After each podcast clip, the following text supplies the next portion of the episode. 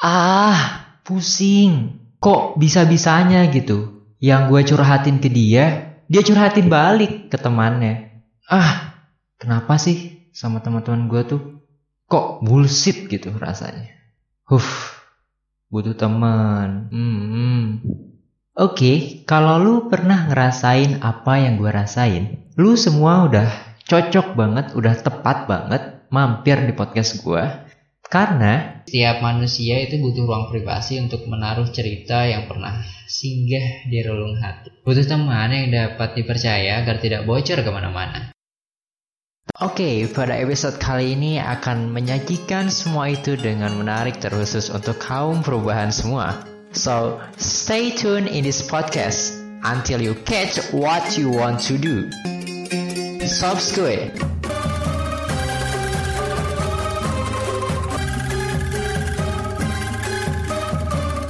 Oke, halo sobat skui semua, bismillahirrahmanirrahim. Oke, baik lagi sama aku ya di podcast Temani Cerita. Cerita yang akan menemani lo di setiap proses metamorfosa. Check this out.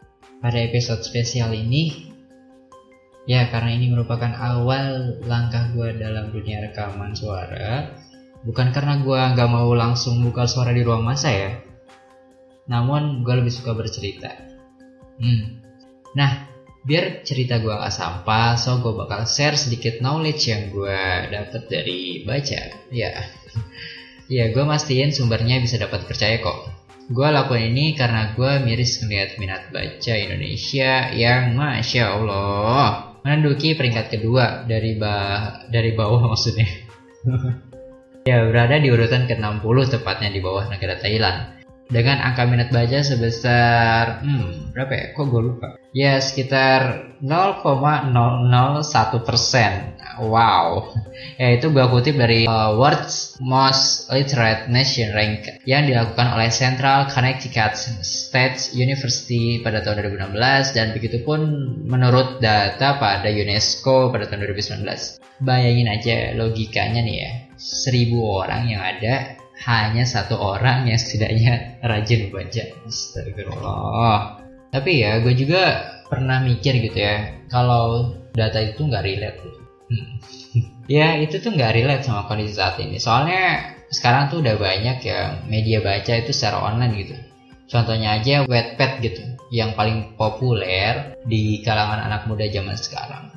Ya, kalau gue searching tadi, itu jumlah rate-nya dari negara Indonesia tuh udah 78 ribu gitu. Nah kalau misalnya kita bandingin sama 38 juta penduduk Indonesia, ya itu sekitar 0,002 persen. Nah itu udah naik kan, baru dari satu aplikasi loh. Coba deh, misalnya dilakukan penelitian ulang yang lebih relate sama masa kini.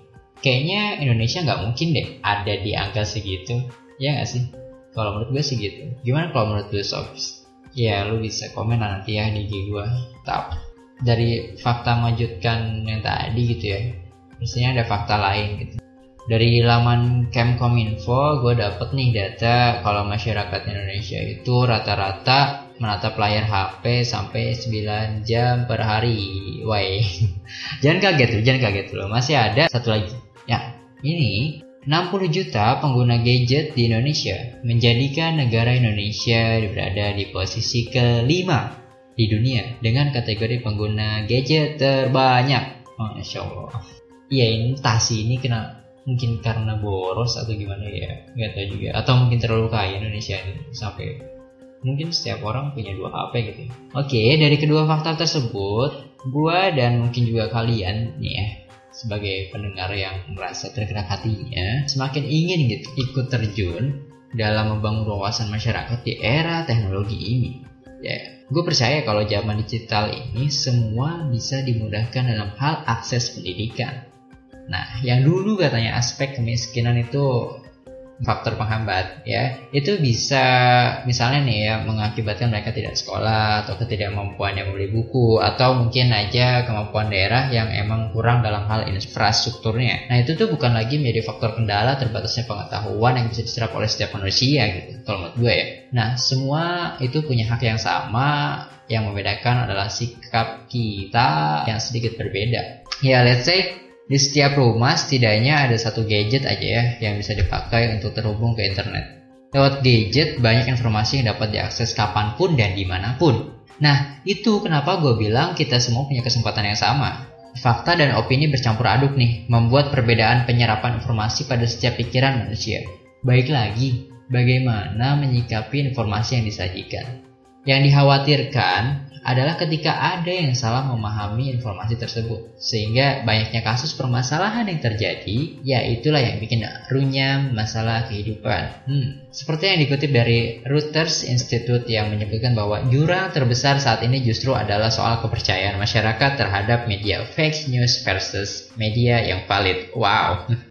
Ya oke okay, gue bakal ke solusi aja dulu deh ya daripada ngomongin masalah masalah masalah terus ya dari yang gue cari di internet ya ini solusinya. Jadi mungkin lu juga udah pernah dengar sebelumnya atau mungkin ada yang belum tahu sama sekali ya. Nah, di sini ada masalah, pasti ada solusinya. Hmm, ya, sampai saat ini salah satu metode yang pertama itu dari Kemkominfo. Nah, Kemkominfo ini akan bertindak tegas terhadap pembuatan atau pelabelan situs atau artikel sebagai hoax ya dengan kriteria dan prosedur yang jelas. Lalu selanjutnya yang kedua ada platform di mana namanya itu hashtag crosscheck yang merupakan proyek kolaborasi antara PR Indonesia dan jurnalis Indonesia yang didukung oleh Kemkominfo RI. Nah, di platform itu masyarakat bisa mengirimkan laporan atau pertanyaan tentang kemungkinan hoax dari situs berita atau sosial media. Ya, gue pernah nemuin sih di Facebook itu Indonesia Hoax. Ya, kayak sampai saat ini, menurut lu semua, apakah udah puas sama solusi yang gue berikan tadi?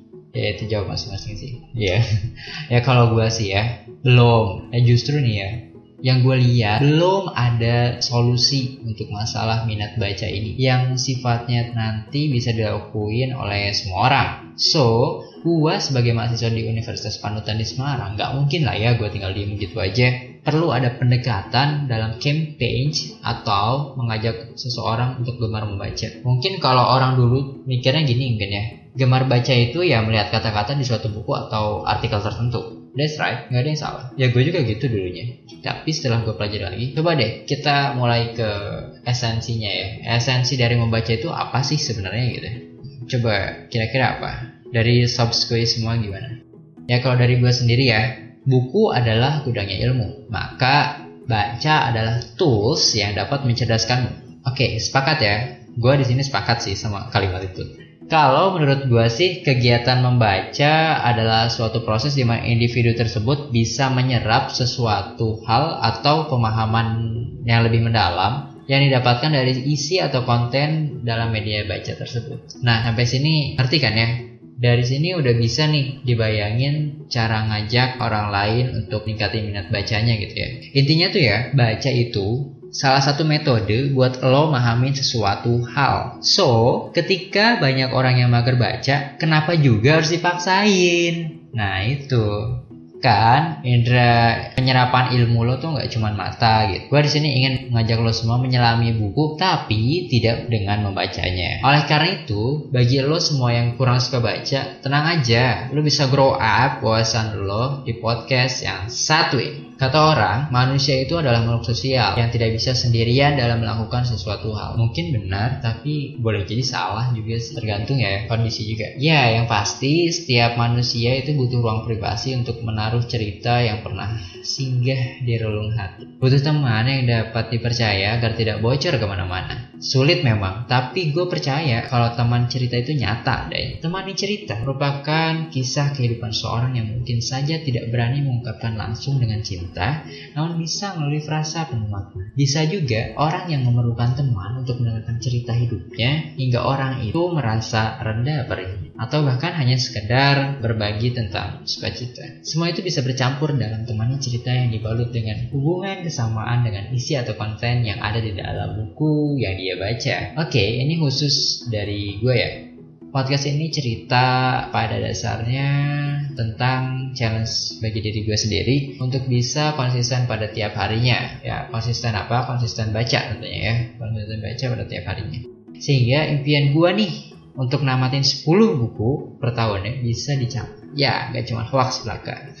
Ya challenge ini juga bisa lo lakuin sebenarnya ya dengan gunain hashtag one day one capture. Terus lo bisa share isi konten dengan bahasa lo sendiri. Terserah lo mau bikin konten insta story kayak atau feed IG atau maybe kayak gua gini bikin podcast ya gak apa-apa. Terserah kreativitas Oke, gak dibatasi. Nah, buat sob semua yang mau gabung ikut rekaman hasil bacaan, nah lo juga bisa hubungi gue di uh, IG gue yaitu @yana Ingatin gue juga sobs kalau misalnya gue lupa atau mungkin aja gue sempat belum upload ya episode terbaru ya kita di sini saling mengingatkan untuk Indonesia ya mah Indonesia yang cerdas peradabannya dari kaum kaum perubahan seperti kita yang tergerak hatinya dan mungkin juga ingin berubah ya. Oke, karena ini udah masuk di penghujung acara, kalau boleh gue tarik kesimpulan ya dari awal tadi, kuya adalah sebutan bagi diri gue sendiri, terus lo gue panggil sobat gue, dan gue namain kita semua adalah kaum perubahan. Nah, selain itu gue juga tadi sempat bercerita tentang strong why gue kenapa bisa bikin podcast ini. Yang pertama karena tadi kontribusi mencerdaskan bangsa. Yang kedua karena checklist impian gua. Ya. Lalu yang gua bawa sebagai solusi permasalahan adalah membuat podcast temani cerita yang akan membawa lo semua menyelami buku tanpa membacanya. Dan tentunya lo dapat teman bercerita. Lo juga bisa ikut challenge hashtag one day one capture dengan bahasa lo sendiri. Kui, berubah pada kebaikan. Semua itu berawal dari niatnya. Dan sampaikanlah walaupun satu ayat yang lo dapat. Gua banyak berharap kalau konten ini dapat dapat bermanfaat buat sob semua. Tak ada gading yang terletak. So, mohon maaf ya. Gue tunggu aksi lo semua untuk mengukir sejarah pada peradaban bangsa Indonesia. Oke, gitu aja kali ini. Sepatah dua patah kata dari gue buat sob Check this out. Alhamdulillah, buat sob semua yang sedang berjuang. Kui berjuang tanpa pernah memastikan untuk dia yang selalu mendoakan. Buat sob yang berserah Teruslah berserah tanpa pernah menyerah, karena dia tidak akan bosan untuk memberi anugerah. Semoga hidup lo penuh berkah dan cerita lo penuh dengan makna.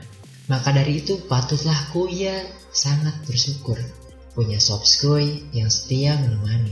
Hatur nuhun kasadayana tungguan weh episode selanjutnya. Kuya akan membahas cerita yang lebih menarik atau mungkin saja lanjutan dari episode ini tentunya. So yeah, kamu, kita, kaum perubahan. See ya in the next podcast. Subscribe.